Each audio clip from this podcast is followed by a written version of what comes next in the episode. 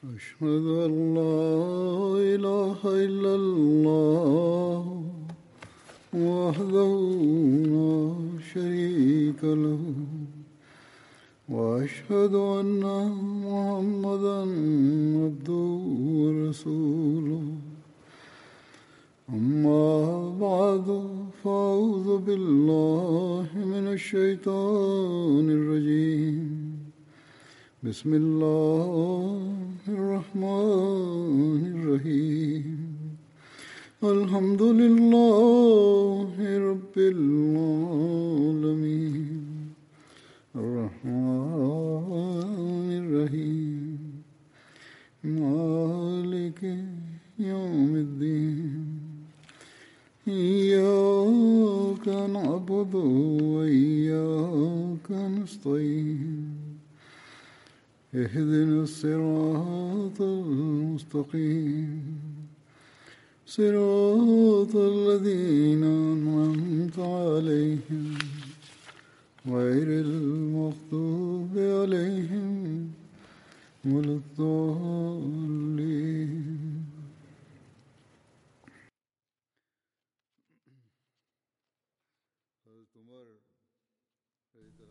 كنت أتحدث عن سيدنا عمر رضي الله عنه. وسوف أذكر الآن شيئا عن حضوره في الغزوات والسرايا.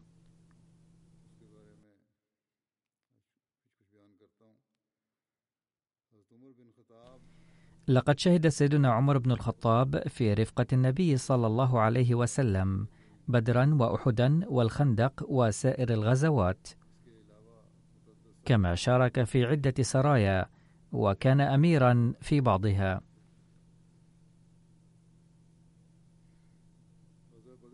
كان عدد إبل المسلمين عند المسير لغزوة بدر سبعين بعيرا فقط.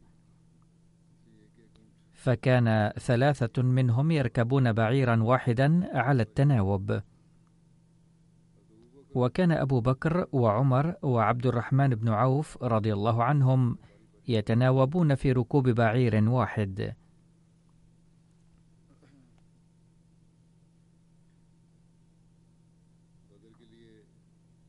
وورد بشأن مسير النبي صلى الله عليه وسلم لبدر أنه خرج من المدينة للقاء عير أبي سفيان التجارية التي كانت قافلة من الشام. وعندما وصلت جماعة المسلمين إلى زفران وهو واد في ضواحي المدينة بالقرب من وادي الصفراء بلغ النبي صلى الله عليه وسلم أن قريشا قد خرجت لحماية قافلتها التجارية فجمع النبي صلى الله عليه وسلم أصحابه للاستشارة وأخبرهم أن جيشا من مكة قد خرج بسرعة كبيرة فماذا ترون؟ فهل لقاء جيش العدو أحب إليكم من لقاء قافلتهم التجارية؟ فقالت فئة منهم نعم إن لقاء القافلة التجارية أحب إلينا من لقاء جيشهم. وورد في رواية أن جماعة من المسلمين قالوا لو ذكرت لنا قبل الخروج أننا نخرج لقتال العدو لأعددنا له عدتنا. إنما خرجنا للقاء القافلة التجارية. وفي رواية أنهم قالوا يا رسول الله ينبغي أن تتوجه إلى القافلة التجارية ولا تذهب للقاء العدو. فتغير وجه النبي صلى الله عليه وسلم.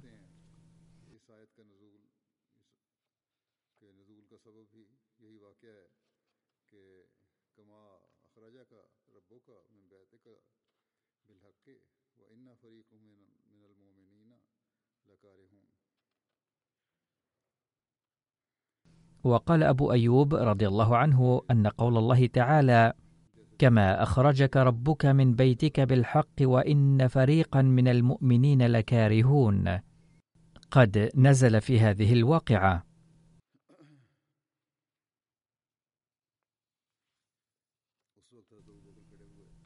لقد قام سيدنا أبو بكر في تلك المناسبة وتكلم وأحسن الكلام.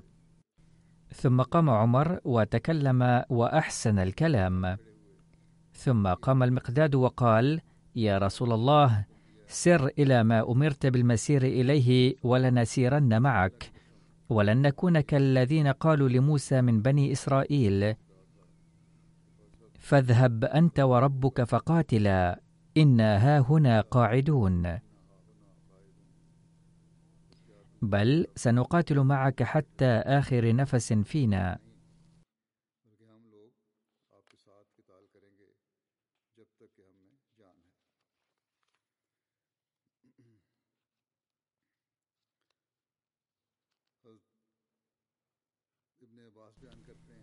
قال ابن عباس لما أسروا الأسارى يعني لما أسر المسلمون الأسارى يوم بدر قال رسول الله صلى الله عليه وسلم لأبي بكر وعمر ما ترون في هؤلاء الأسارى فقال أبو بكر يا نبي الله هم بنو العم والعشيرة. أرى أن تأخذ منهم فدية فتكون لنا قوة على الكفار. فعسى الله أن يهديهم للإسلام. فقال رسول الله صلى الله عليه وسلم ما ترى يا ابن الخطاب. قلت لا والله يا رسول الله ما أرى الذي رأى أبو بكر. ولكني أرى أن تمكننا فنضرب أعناقهم. فتمكن عليا من عقيل فيضرب عنقه. وتمكنني من فلان نسيبا لعمر فأضرب عنقه. فإن هؤلاء أئمة الكفر وصناديدها. فهوي أي استحسن رسول الله صلى الله عليه وسلم ما قال أبو بكر ولم يهوى ما قلت. فلما كان من الغد جئت فإذا رسول الله صلى الله عليه وسلم وأبو بكر قاعدين يبكيان. قلت يا رسول الله أخبرني من أي شيء تبكي أنت وصاحبك. فإن وجدت بكاء بكيت وإن لم أجد بكاء تباكيت لبكائكما. فقال رسول الله صلى الله عليه وسلم أبكي للذي عرض علي أصحابك من أخذهم الفداء. لقد عرض علي عذابهم أدنى من هذه الشجرة شجرة قريبة من النبي صلى الله عليه وسلم. وأنزل الله عز وجل ما كان لنبي أن يكون له أسرى حتى يثخن في الأرض. إلى قوله فكلوا مما غنمتم حلالا طيبا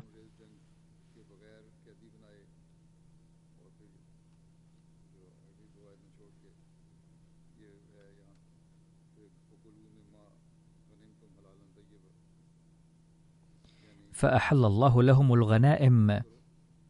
هذه الرواية من صحيح مسلم.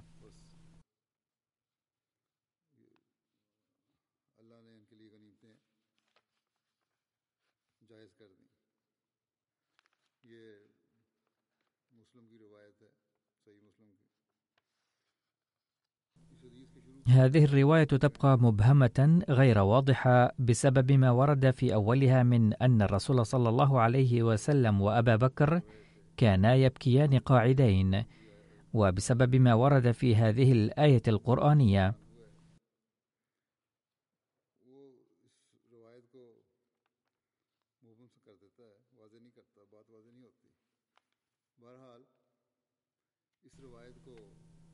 إن معظم أصحاب كتب التاريخ والسير والتفسير اعتبروا هذه الرواية صحيحة. فكأن الله تعالى سخط على قرار أخذ الفدية من أسرى بدر مستحسنا رأي عمر.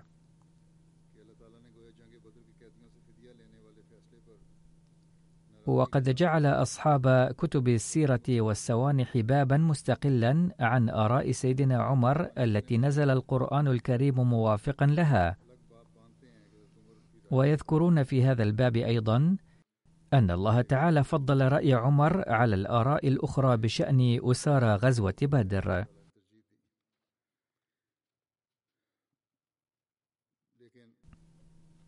ولكن الأمر يصبح مبهما غير واضح كما ذكرت آنفا.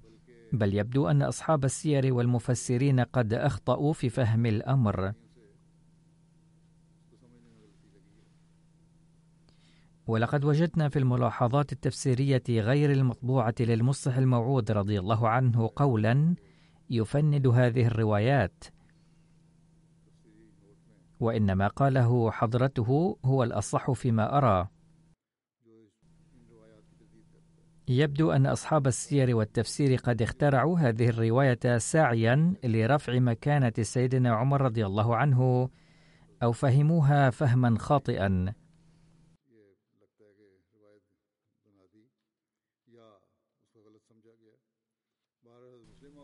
على كل حال لقد قال حضرة المصلح الموعود رضي الله عنه في تفسير سورة الأنفال الآية الثامنة والستين. كان عند العرب قبل الإسلام عادة وهي لا تزال موجودة في بعض مناطق العالم حتى اليوم للأسف بأنهم كانوا يلقون القبض على رجال العدو ويستعبدونهم بدون قتال. وإن هذه الآية تلغي هذه العادة القبيحة. وتأمر صراحة ألا يؤسر أحد من الأعداء إلا في حالة الحرب والقتال فقط.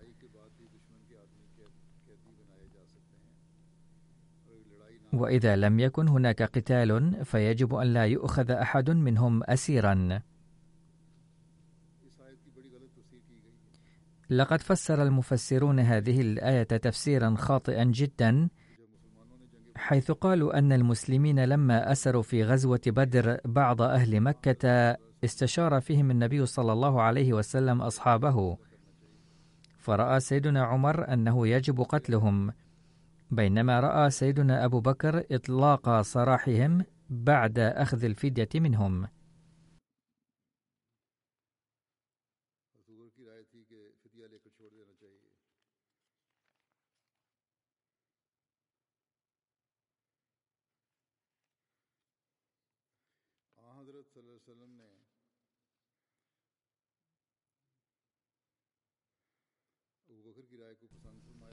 فاستحسن النبي صلى الله عليه وسلم رأي أبي بكر. وقد قالوا هذا في تفسير قول الله تعالى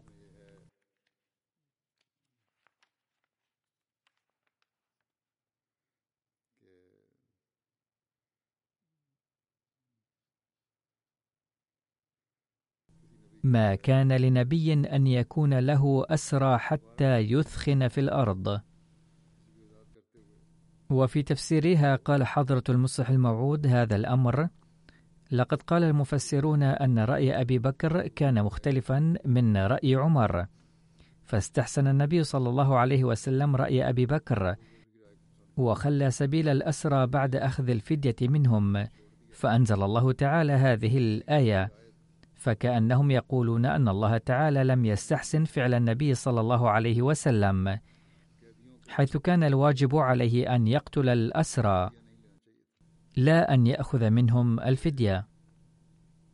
وهذا ما قاله الطبري في تفسيره. ولكن حضرة المصلح الموعود رضي الله عنه يقول إن هذا التفسير باطل وذلك لأنه أولا لم يكن الله قد أنزل حتى ذلك الوقت أي حكم بعدم إطلاق سبيل الأسرى بعد أخذ الفدية منهم. لذا فلا سبيل للوم الرسول صلى الله عليه وسلم على أخذ الفدية منهم. وثانيا كان الرسول صلى الله عليه وسلم قد أطلق من قبل سراح أسيرين في مكان يسمى نخلة ولكن الله تعالى لم يسخط على النبي صلى الله عليه وسلم بسبب ذلك. وثالثا بعد آيتين اثنتين فقط من هذه الآية قيد التفسير قال الله تعالى للمسلمين فكلوا مما غنمتم حلالا طيبا. فهل يخطر ببال أحد أن يسخط الله تعالى على نبيه صلى الله عليه وسلم بسبب أخذه الفدية؟ ويعد أموال الغنيمة حلالا طيبا؟ لذا فتفسيرهم باطل. وإنما التفسير الصحيح هو أن الله تعالى قد بين في هذه الآية مبدا عاما هو ألا يؤخذ الاسارى إلا في قتال رسمي. وبعد توجيه الضربات للعدو وجعله مغلوبا. وموقف الإمام الرازي من بين المفسرين وموقف مؤلف السيرة النبوية المعروف العلامة شبلي النعماني لهو الموقف نفسه الذي ذكره المصلح الموعود رضي الله عنه. يقول ميرزا بشير أحمد عند الوصول إلى المدينة المنورة تشاور النبي صلى الله عليه وسلم في أمر أسر الحرب وكيف ينبغي معاملتهم. كان أسر الحرب وفقا للعرف العربي إما يقتلون أو يحكم عليهم بالعبودية الدائمة. ولكن النبي صلى الله عليه وسلم كان يكره مثل هذه التدابير ولم تكن قد نزلت أحكام الله تعالى في مثل هذه الأمور. اقترح أبو بكر الإفراج عن الأسرى بعد أخذ الفدية لأن هؤلاء الأسرى أقارب للمسلمين وعسى الله أن يهديهم بذلك إلى الإسلام. أما عمر فخالف هذا الرأي وقال بأنه ينبغي ألا نقيم وزنا لمسألة القرابة في أمور الدين. وبما أنهم استحقوا القتل بجرائمهم لذلك اقترح عمر إعدام الأسرى بل وقال بأن يقتل المسلمون بأيديهم أقاربهم من هؤلاء الأسرى. لقد أحب النبي صلى الله عليه وسلم اقتراح أبي بكر لرحمته الفطرية وقرر عدم قتلهم وأمر بإطلاق سراح الأسرى بعد دفع الفدية. وقد جاءت الموافقة على رأيه في الوحي الإلهي فيما بعد فإنه نزل الحكم الإلهي بإطلاق السراح الأسرى بعد أخذ الفدية كما كتب الخليفة الثاني رضي الله عنه أيضا. فمن العجيب جدا بعد هذا الاعتماد على الرواية المذكورة والبحث عن مبرر بكاء النبي صلى الله عليه وسلم وأبي بكر رضي الله عنه.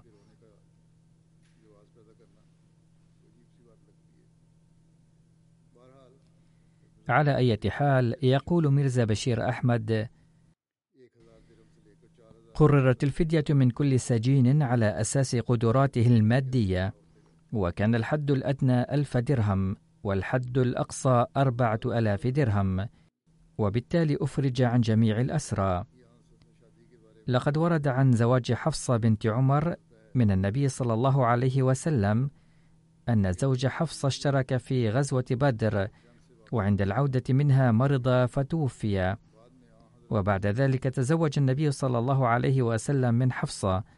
وورد تفصيله في البخاري عن عبد الله بن عمر رضي الله عنهما يحدث أن عمر بن الخطاب حين تأيمت حفصة بنت عمر من خنيس بن حذافة السهمي وكان من أصحاب رسول الله صلى الله عليه وسلم قد شهد بدرا توفي بالمدينة. قال عمر فلقيت عثمان بن عفان فعرضت عليه حفصة فقلت إن شئت أنكحتك حفصة بنت عمر.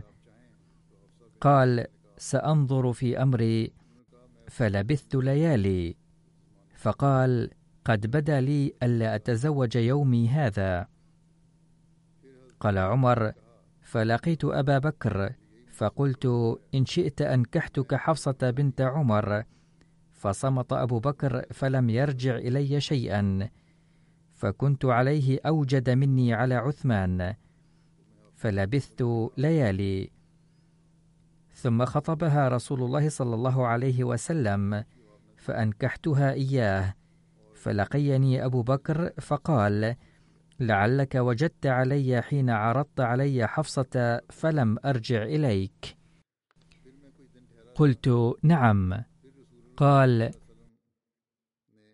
فإنه لم يمنعني أن أرجع إليك فيما عرضت إلا أني قد علمت أن رسول الله صلى الله عليه وسلم قد ذكرها فلم أكن لأفشي سر رسول الله صلى الله عليه وسلم. أي كان أبو بكر يعلم أن رسول الله صلى الله عليه وسلم قد أبدى رغبة في الزواج من حفصة فيقول بأنه ما كان ليفشي سر النبي صلى الله عليه وسلم. ثم قال أبو بكر ولو تركها لقبلتها. هذا كان رد أبي بكر.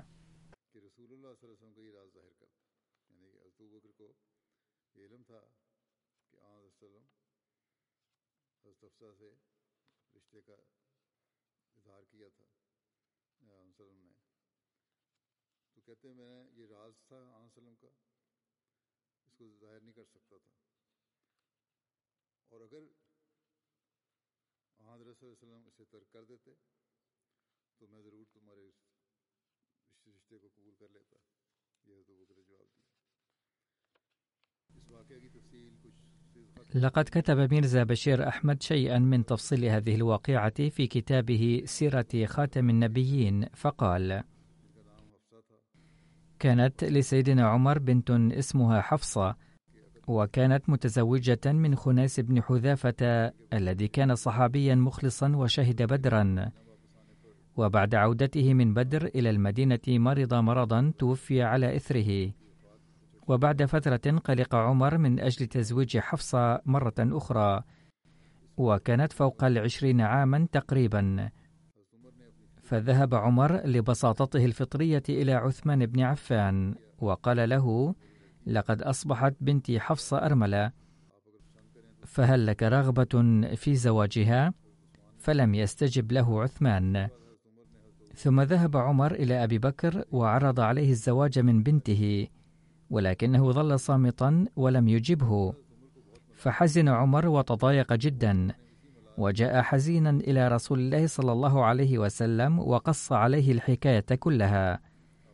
فقال النبي صلى الله عليه وسلم لا تقلق فبإذن الله تعالى ستجد حفصه من هو خير من عثمان وأبي بكر وسيجد عثمان زوجة أفضل من حفصه ذلك أن النبي صلى الله عليه وسلم كان ينوي أن يتزوج من حفصه ويزوج ابنته أم كلثوم من عثمان.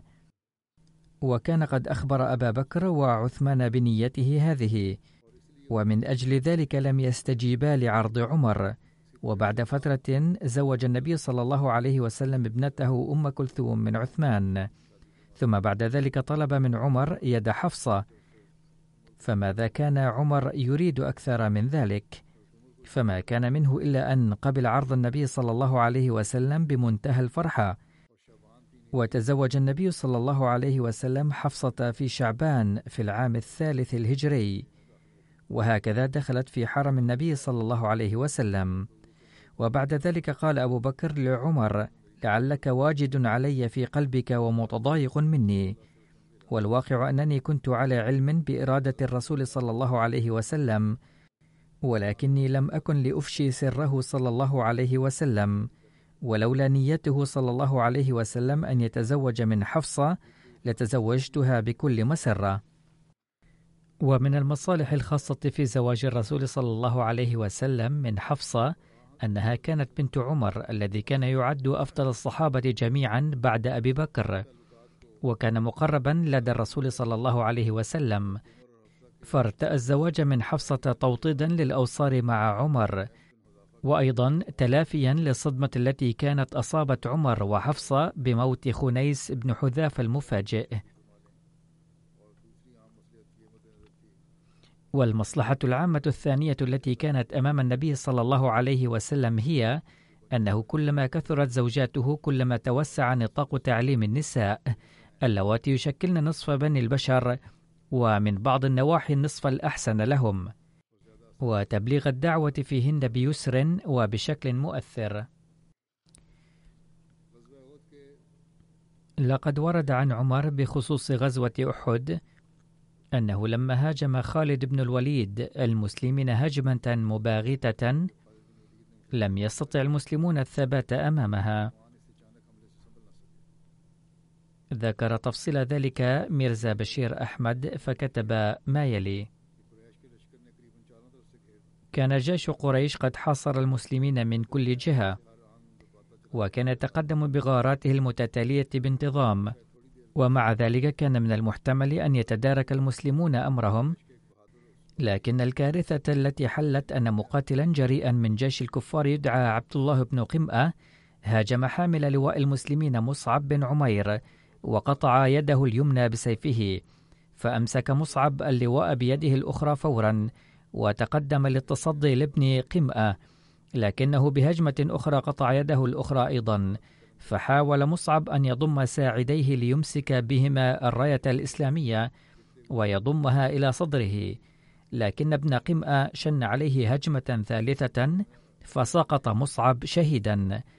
أما العلم فقد أمسكه أحد المسلمين فورا. لكن لما كان مصعب يشبه النبي صلى الله عليه وسلم في قامته وملامحه فقد زعم ابن قمأ أنه قتل محمدا صلى الله عليه وسلم.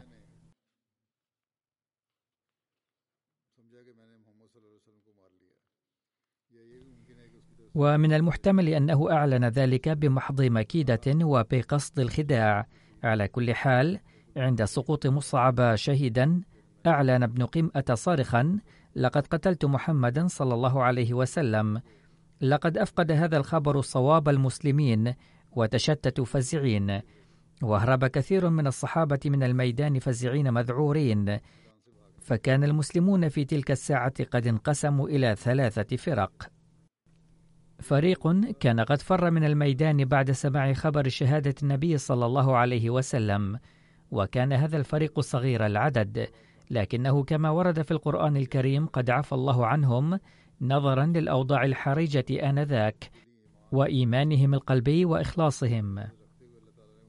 والفريق الثاني كان يضم أولئك الذين لم يهربوا لكن ضعفت همتهم بعد سماع خبر شهادة النبي صلى الله عليه وسلم أو كانوا يرون القتال عديم الجدوى.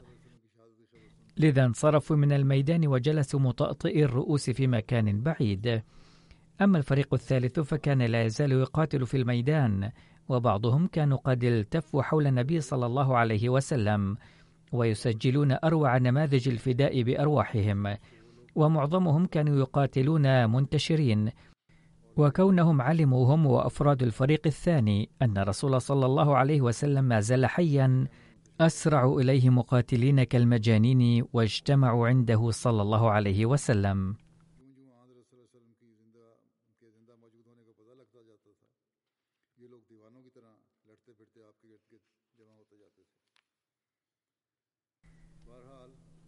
باختصار كان قد حمي وطيس الحرب وكان المسلمون يواجهون ابتلاء شديدا واختبارا وكما سبق ذكره كان خبر شهادة النبي صلى الله عليه وسلم قد ثبط همة كثير من الصحابة وكانوا قد انصرفوا من الميدان تاركين السلاح وكان منهم عمر بن الخطاب رضي الله عنه أيضا الذي جلس يائسا.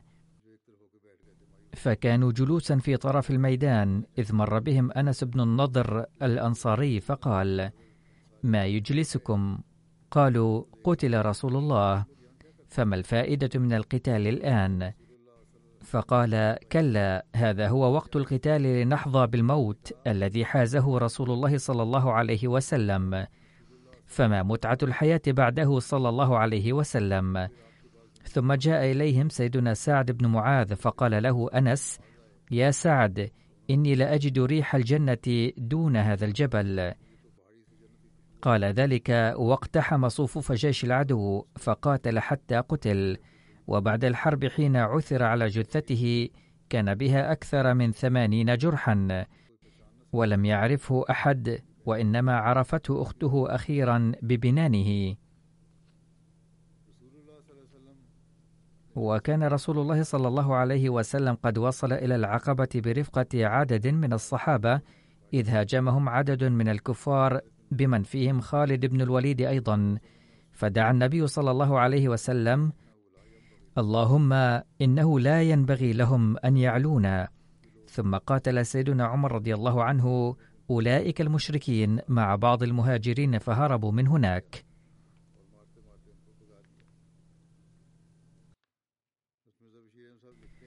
لقد كتب حضرة ميرزا بشير أحمد رضي الله عنه لقد تقدم أبو سفيان بصحبة عدد من رفاقه إلى حيث كان المسلمون قد اجتمعوا وقال أفي القوم محمد ثلاثا فقال رسول الله صلى الله عليه وسلم لا تجيبوه فلما سكت الصحابة كلهم سأل عن أبي بكر وعمر رضي الله عنهما.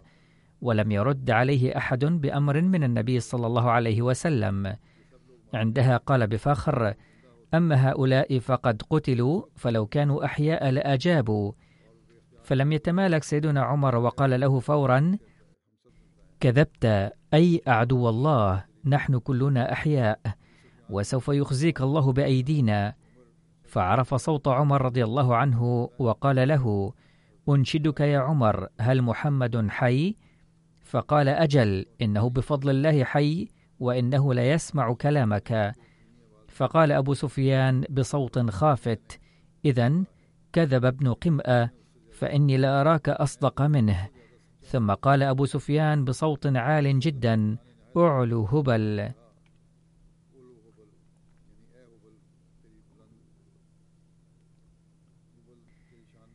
فظل الصحابة ساكتين نظرا لأمر النبي صلى الله عليه وسلم لكن النبي صلى الله عليه وسلم الذي أمرهم بالصمت عند ذكر أبي سفيان اسمه صلى الله عليه وسلم تحمس حين سمع اسم وثن مقابل الله تعالى وقال للصحابة لماذا لا تجيبون؟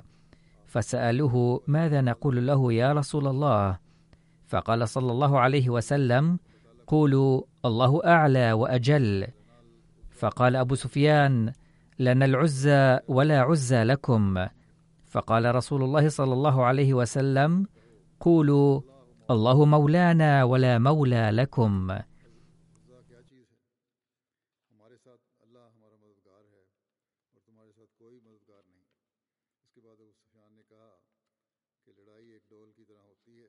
ثم قال هذا بيوم بدر والحرب سجال. اما انكم ستجدون في قتلاكم مثلا؟ والله ما رضيت ولا سخطت ولا نهيت ولا امرت. ثم انصرف ابو سفيان ومن معه وقال ان موعدكم العام المقبل. فاجابه احد الصحابه بتوجيه من النبي صلى الله عليه وسلم حسنا. هذا وعد اذن على كل حال قال ذلك أبو سفيان وهبط مع أصحابه وانطلق جيش قريش إلى مكة. فلما عاد النبي صلى الله عليه وسلم بعد القتال إلى المدينة احتفل المنافقون واليهود فرحين وبدأوا يسيئون إلى المسلمين وقالوا إن محمدا يحب الملك. فلم يتعرض أي نبي إلى اليوم للخسائر كما خسر هو إذ تلقى الجروح هو وأصحابه. وقالوا لو بقي قتلاكم معنا لما قتلوا. فاستأذن عمر رضي الله عنه النبي صلى الله عليه وسلم في قتل أولئك المنافقين الذين كانوا يتكلمون بمثل هذه الأقوال. فقال له صلى الله عليه وسلم ألا يشهدون أن لا إله إلا الله وأني رسول الله؟ فهم ينطقون بالشهادتين. فقال بلى. لكنهم مع ذلك يقولون كلام النفاق وإنما يشهدون خوفا من السيف. فلما تبين الآن أمرهم وصدر ما في صدورهم وأظهر الله حقدهم فيجب الانتقام منهم ومعاقبتهم. فقال النبي صلى الله عليه وسلم إنني منعت عن قتل من نطق بالشهادتين.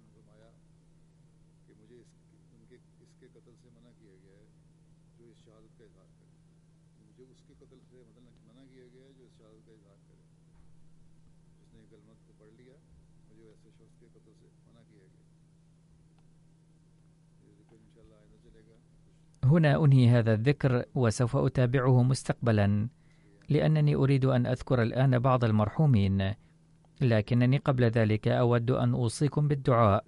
وقد قلت لكم في الأسبوع الماضي أيضا بأن أدعو للفلسطينيين المظلومين فمع أنه قد تم الاتفاق على وقف إطلاق النار ولكن التاريخ يخبرنا أن الأعداء بعد فترة وبطريقة أو أخرى وبحجة أو أخرى يجعلون الفلسطينيين عرضة لظلمهم.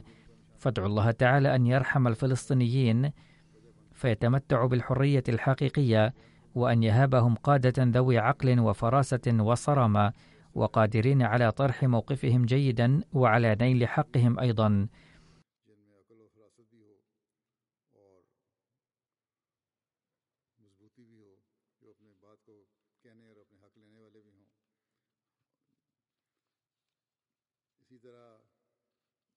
وكذلك أدعو الله كثيرا أن يحفظ الأحمديين الذين يواجهون الاضطهاد خاصة في باكستان. أول المرحومين الذين سأصلي عليهم جنازة الغائب القرشي محمد فضل الله الذي كان نائبا لناظر الإصلاح والإرشاد في قاديان فقد توفي في السابع والعشرين من إبريل 2021 إن لله وإنا إليه راجعون. كان جد والدته من طرف أبيها وجد والده من طرف أمه حضرة المنشي مهر الدين رضي الله عنه صحابيا. وبواسطته دخلت الأحمدية في عائلته واسمه مكتوب ضمن المتبرعين لبناء منارة المسيح. لقد خدم المرحوم الجامعة الأحمدية كأستاذ 23 سنة وخمسة أشهر بعد التخرج منها. فكان أستاذا للقرآن الكريم واللغة الأردية والكلام والصرف والنحو والأدب العربي وغيره من المواد. ومدة خدمته الإجمالية 37 سنة وسبعة أشهر. وكان بفضل الله موصيا وترك خلفه زوجة وابنا وابنتين.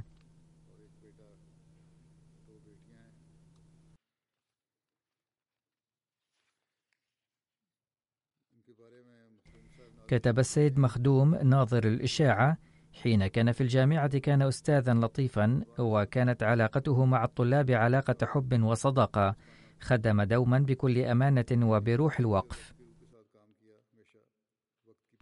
وكان يلتزم بالوقف ويطلب ذلك من طلابه أيضا. معظم الدعاة في الهند من طلابه واستفادوا منه. كان متواضعا يجيز الكلام ولا يكثر من الكلام. ولكن كان كلامه علميا وقويا. خدم أيضا بصفته نائب رئيس مجلس خدام الأحمدية في الهند وكذلك خدم 34 عاما بصفته نائب رئيس التحرير لجريدة بدر وكان رئيس التحرير لمجلة مشكات أيضا. كان عضوا في لجنة تاريخ الأحمدية في الهند. وأشار إلى أخطاء أثناء تدقيقه لبروفات الخزائن الروحانية المكتوبة على الحاسوب وتم تداركها بعد تحديده إياها. كان يراجع كل شيء والبروفات بدقة. وراجع بروفات كتب المسيح الموعود عليه السلام التي طبعت منفصلة وخاصة بروفات البراهين الأحمدية ومذهب آريا والقول الحق وغيرها. والمراجع التي ذكرها المسيح الموعود عليه السلام في هذه الكتب دققها من مآخذها ومن غرانث وفيدا وعين الفروق بين لفظ كل كلمة وترجمتها. وكانت ميزته أنه يكمل تحقيقه في كل شيء. فبحث عن مراجع مذهب آريا والقول الحق ودققها وحققها بكل جهد.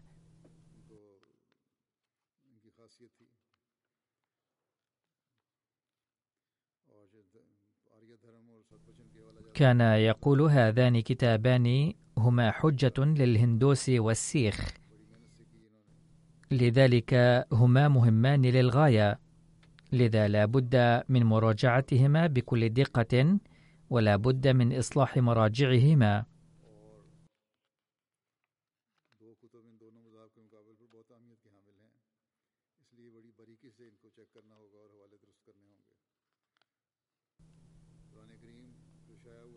والقرآن الكريم الذي طبع من قبل الجماعة بخط منظور خدم المرحوم في إعداد هذا الخط للحاسوب. الذي صنعته شركة من مومباي. عمل ليل نهار لإصلاحه وتصحيحه. قد طبع المصحف في هذا الخط والآن كان المرحوم يعمل في إعداده مع الترجمة الإنجليزية لحضرة المولوي شير علي رضي الله عنه وهو أيضا جاهز تقريبا وسيطبع عما قريب. وكان للمرحوم دور كبير في إعداده. وكذلك كان قد أعد بضعة أجزاء لترجمة معاني القرآن لحضرة مير إسحاق رضي الله عنه أيضا. واجتهد كثيرا في عمل القرآن الكريم وفي نشره خاصة بخط منظور.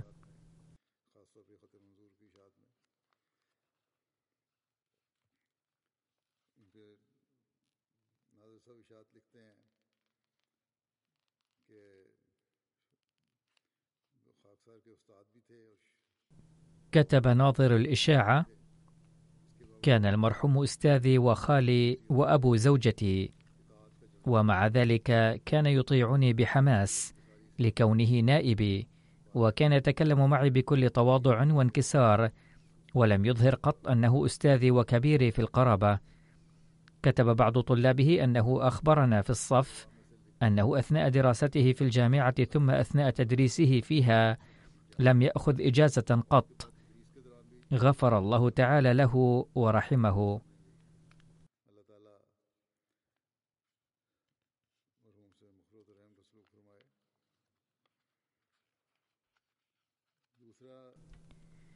والجنازة الثانية هي للداعية سيد بشير الدين أحمد وهو أيضا من قاديان وتوفي عن عمر يناهز الثالثة والثمانين عاما.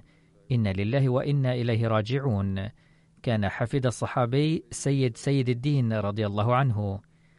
كان جد ملتزم بالصلوات والتهجد وكثير الدعاء وبسيط الطبع. كان منخرطا بنظام الوصية وترك في ذويه ثلاثة أبناء وجميعهم يعملون في مكاتب صدر أنجمن أحمدية.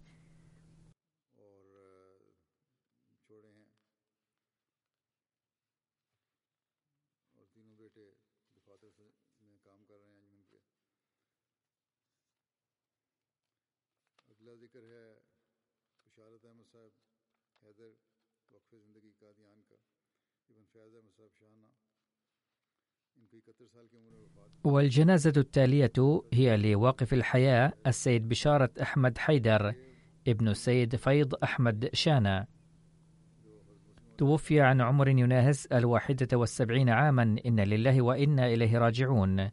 وهو حفيد حضرة عبد الكريم رضي الله عنه الذي كان عضه الكلب المجنون وشفي بدعاء المسيح الموعود عليه السلام. ووقف حياته وجاء من كرنات إلى قاديان. ودرس في المدرسة الأحمدية ثم خدم في مكاتب متنوعة ثم عين مسؤول مكتب التزويج. وخدم الجماعة لمدة 46 عاماً.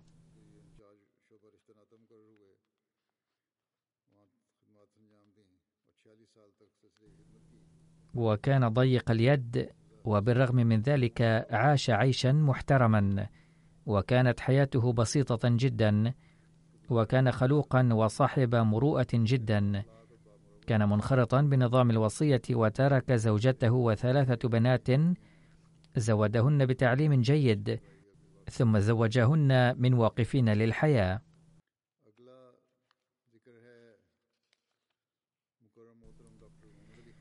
والجنازة التالية هي للسيد دكتور محمد علي خان أمير الجماعة في محافظة بيشاور الذي توفي في الشهر الماضي عن عمر يناهز السابعة والستين عاما.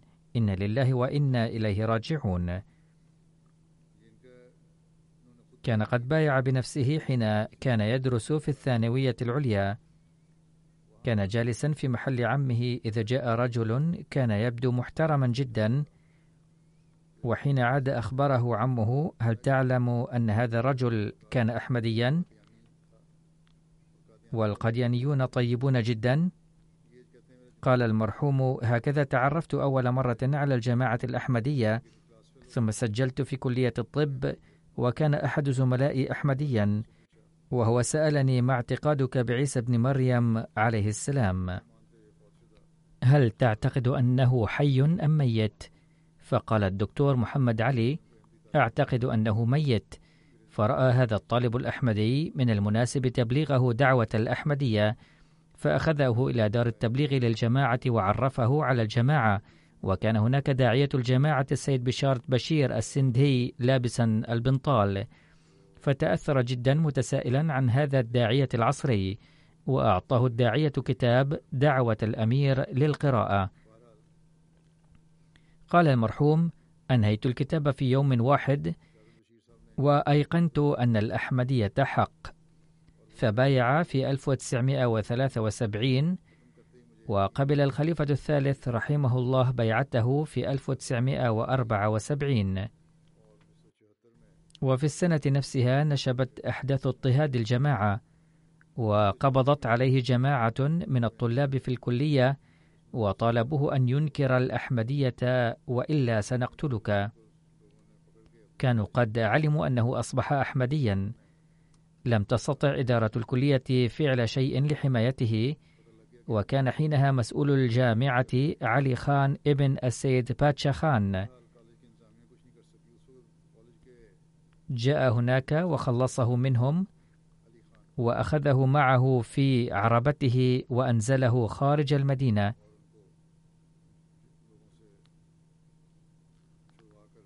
ومن هناك ذهب إلى قريته ماشيا حافي الأقدام.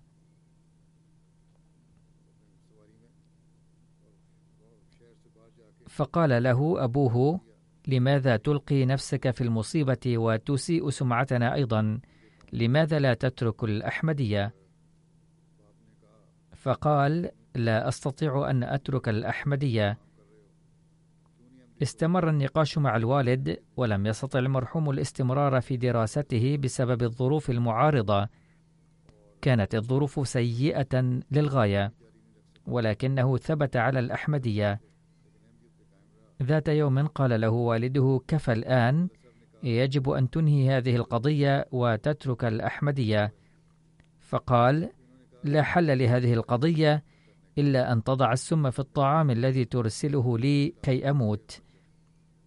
وهكذا ستنحل هذه القضية لأنني لا أستطيع أن أترك المسيح الموعود عليه السلام وجماعته. وبعد ذلك اليوم لم يقل له أبوه أن يترك الأحمدية. ثم توفي والده فذهب إلى قريته ولكنه لم يصلي على والده. فقال له الناس إن هذا التصرف يتعارض مع الأعراف القبلية وأبدو نفورا شديدا على أن الابن لم يصلي على والده. ولكنه قال أهم الناس عندي هو المسيح الموعود عليه السلام وأما الآخرون فبعده. كذلك عاملته والدته معاملة سيئة للغاية وقالت إنك لم تعد ابني. وحرمته من العقارات. لذا لم يذهب إلى القرية بعد ذلك ولكنه ظل يساعد أمه وكان يذهب إلى بيت عمه ومن هناك كان يهتم بوالدته ويرسل لها الأموال.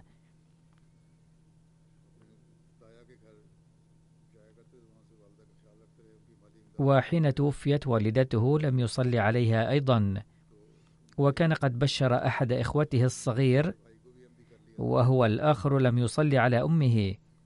فاعترض عليهما الناس بشدة ولكنهما قالا إنها قضية الغيرة الدينية ولأن أبوينا كانا يسيئان للمسيح الموعود عليه السلام لذا لا نستطيع أن نصلي عليهما. لقد ابدوا غيرة غير عادية. خدم المرحوم في الجيش سبع وعشرين عاما وتقاعد من منصب العقيد. وكان طبيبا بعد التقاعد وأعطي وسام التميز العسكري الرئيسي.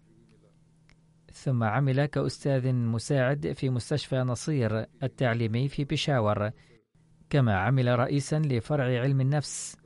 عينه الخليفة الرابع رحمه الله أمير الجماعة بإقليم سرحد ومحافظة ومدينة بشاور حين كان عمره 32 عاما وفي عام 1985 عينه عضوا في مجلس الإدارة لمؤسسة الوقف الجديد وظل يعمل في هذا المنصب إلى آخر لحظة في حياته.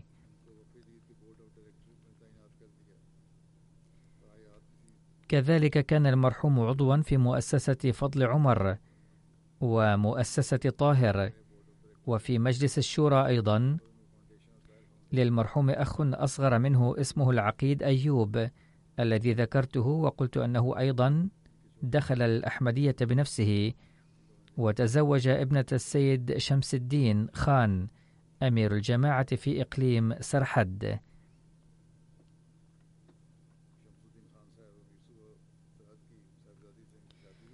ترك المرحوم وراءه أرملة وابنا وثلاث بنات.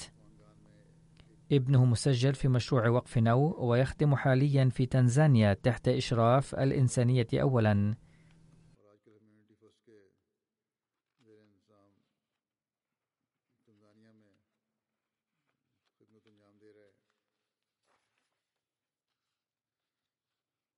يقول ابنه كان أبي الدكتور محمد علي يحتل مكانة متميزة من حيث الصدق والأمانة والتواضع والقول السديد. ما كان يذكر الثروة أو النفقات أو الأموال الدنيوية قط. وقضى حياته مطمئنا وسعيدا جدا. هذا ما قاله جميع أولاده. وعلى الرغم من الظروف القاسية جدا في بيشاور قاد الجماعة هناك بكل شجاعة وحب ومتوكلا على نصرة الله تعالى. الناس في بيشاور حزينون جدا على وفاته. كان للمرحوم صلة وطيدة ومخلصة جدا مع الخلافة. وكانت طاعته مضرب المثل. كان يحب المسيح الموعود عليه السلام ويعشق الرسول صلى الله عليه وسلم وكان دائم الاستعداد لكل تضحية في سبيل وحدانية الله تعالى وكان متصفا بصفات حسنة كثيرة. الجنازة التالية هي للمرحوم محمد رفيع خان شهزادة من ربوة الذي توفي في الثلاثين من آذار. عن عمر يناهز الثانية والثمانين عاما. إن لله وإنا إليه راجعون. كان المرحوم حفيدا لصحابي المسيح الموعود عليه السلام غلام رسول أفغان والصحابية السيدة عائشة بتهاني وابن حفيد حضرة عبد الستار خان المعروف بالصالح. كان ملتزما بالعبادات ولا سيما بصلاة التهجد منذ أيام الشباب. كان كثير الغيرة والحماس للدين ويملك شخصية نزيهة وطاهرة. وفي الأيام الأخيرة كان في المستشفى وكان يتلو القرآن الكريم بصوت عال على الرغم من الصعوبة في التنفس. التحق بالسلاح الجوي وبعد فترة أرسل إلى أبو ظبي حيث قال ذات مرة أحد المشايخ في اجتماع السلاح الجوي إن الأحمديين يستحقون القتل فقام المرحوم وقال بكل شجاعة أنا أحمدي فتعال واقتلني. ثم استقال من منصبه في أبو ظبي وعاد إلى باكستان وفتح صيدلية خاصة به. وخدم كرئيس الجماعة في حارة دار الرحمة الشرقية في ربوة. اشترك في خمسين حلقة على الأقل التي سجلت في MTA بلغة باشتو. كان يعامل الجميع بالحب واللطف كالأب. كان يساعد الناس ماليا بصمت. كان مشتركا في نظام الوصية. ترك وراءه أرملة وابنين وأربع بنات.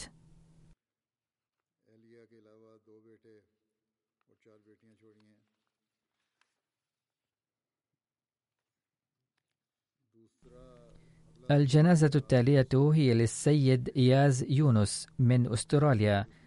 الذي توفي في الرابع والعشرين من آذار في ولاية أسترالية نيو ساوث ويلز غارقا في مياه الفيضانات. إن لله وإنا إليه راجعون.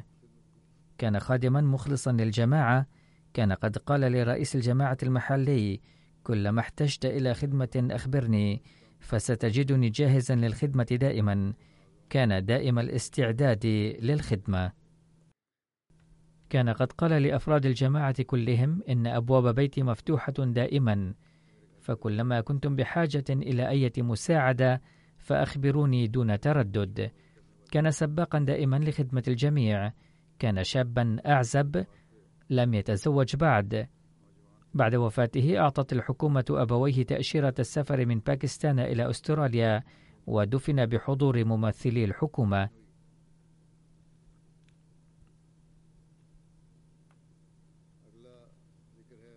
الجنازة التالية هي لمياه طاهر أحمد ابن مياه باقر حسين الذي عمل سابقا في مكتب الوكيل الثالث للمال في ربوة. كان المرحوم والد السيد إدريس أحمد الذي يعمل حاليا مهندسا في مشروع بناء إسلام آباد. وقد توفي المرحوم عن عمر يناهز السابعة والستين عاما. إن لله وإنا إليه راجعون. كان يخدم في الجماعة المحلية بصفة سكرتير التربية ونائب الرئيس وزعيم مجلس أنصار الله كان ملتزما بصلاة التهجد والنوافل وتلاوة القرآن الكريم ومنخرطا في نظام الوصية وترك وراءه أرملة وابنتين وثلاثة أبناء.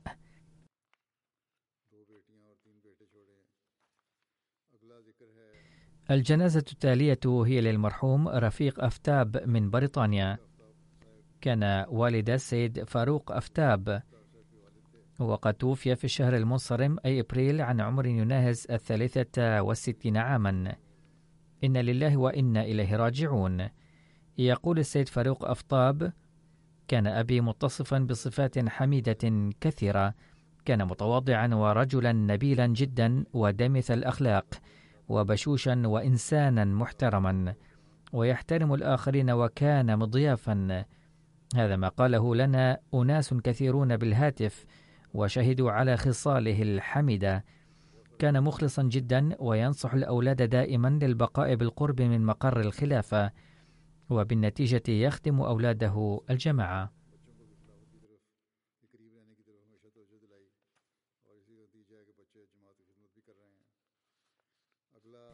الجنازة التالية هي للسيدة زارينا أختر. زوجة السيد ميرزا نصير أحمد شتي مسيح الذي يدرس في الجامعة الأحمدية في بريطانيا وقد توفيت في الشهر المنصرم إن لله وإنا إليه راجعون. كانت من أولاد صحابة المسيح الموعود عليه السلام وكانت صبورة وشكورة جدا وقد أدت حق خدمة الوالدين والأصهار على أحسن وجه وعاشت بقناعة مع زوجها الواقف لحياته. عاشت معه في غانا أيضا بالصبر والقناعة التامة مع الأولاد في ظروف مادية صعبة ولم تشك قط. كانت المرحومة مشتركة في نظام الوصية. أحد أبنائها ميرزا توقير أحمد واقف الحياة ويخدم في إم تي اي الجنازة التالية هي للمرحوم الحافظ محمد أكرم الذي توفي في الشهر الجاري في معهد طاهر للأمراض القلب في ربوة. عن عمر يناهز الثمانين عاما. إن لله وإنا إليه راجعون. دخلت عائلته الأحمدية بواسطة سيدنا الخليفة الأول رضي الله عنه حين بايع جد المرحوم المسيح الموعود عليه السلام خطيا ولكنه لم يتمكن من البيعة على يده مباشرة.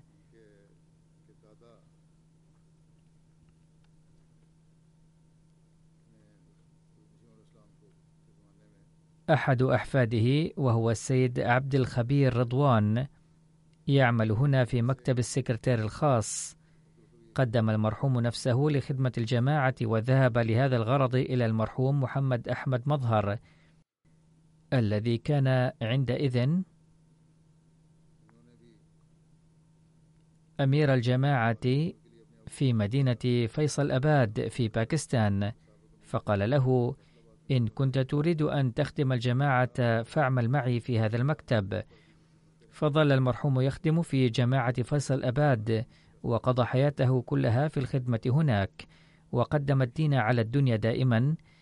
كان المرحوم منخرطا في نظام الوصية ودفع تبرع الأملاك في حياته. كان يصلي التهجد بالتزام دائما. ووفق لتدريس القرآن وتحفيظه لكثير من الأطفال في مدينة فيصل أباد. كما جعل ابنه الصغير أيضا يحفظ القرآن الكريم. والجنازة التالية هي للمرحوم تشودري نور أحمد ناصر وتوفي عن عمر يناهز الثانية والثمانين عاما. كان المرحوم الابن الأكبر لسيد عبد الله الدرويش في قاديان. إن ابنيه واقفون لحياتهما بفضل الله تعالى. أحدهما اسمه منصور أحمد ناصر يعمل عميدا في مدرسة الجماعة في ليبيريا. والثاني هو مسرور أحمد مظفر يعمل داعية الجماعة في غانا. وبسبب كونهما في ميدان الخدمة لم يتمكن ابناه من الاشتراك في جنازته.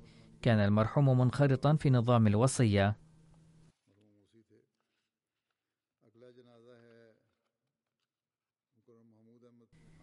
الجنازة التالية هي للمرحوم محمود أحمد منهاس ابن الحكيم عبيد الله منهاس وقد توفي في الشهر الماضي عن عمر يناهز الخامسة والسبعين عاما. إن لله وإنا إليه راجعون. أحد أبنائه السيد راشد منهاس يعمل داعية في الجماعة ويقول بأن المرحوم كان يعيش عيش الدراويش ويتحلى بصفات حميدة كثيرة. كان يصلي التهجد بالتزام ويحب الخلافة كثيرا وكان دائم الاستعداد لمساعدة الفقراء والمساكين والمفلسين. لم يتمكن ابنه المذكور من الاشتراك في جنازة المرحوم لكونه في ميدان الخدمة في غانا. ندعو الله تعالى أن يلهم أولاد المرحومين وذويهم جميعا الصبر والسلوان ويرفع درجات المرحومين ويغفر لهم.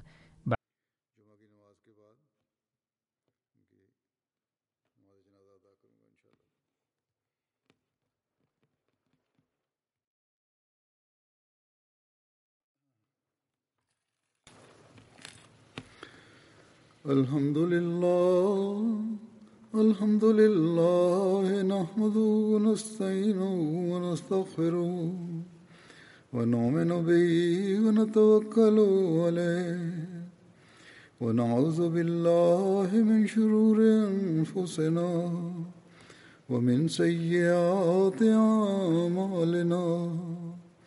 من يهده الله فلا مضل له ومن يضلل فلا هادي له. ونشهد أن لا إله إلا الله. ونشهد أن محمدا عبده ورسوله. عباد الله رحمكم الله. إن الله يأمر بالعدل والإحسان وإيتاء ذي القربى.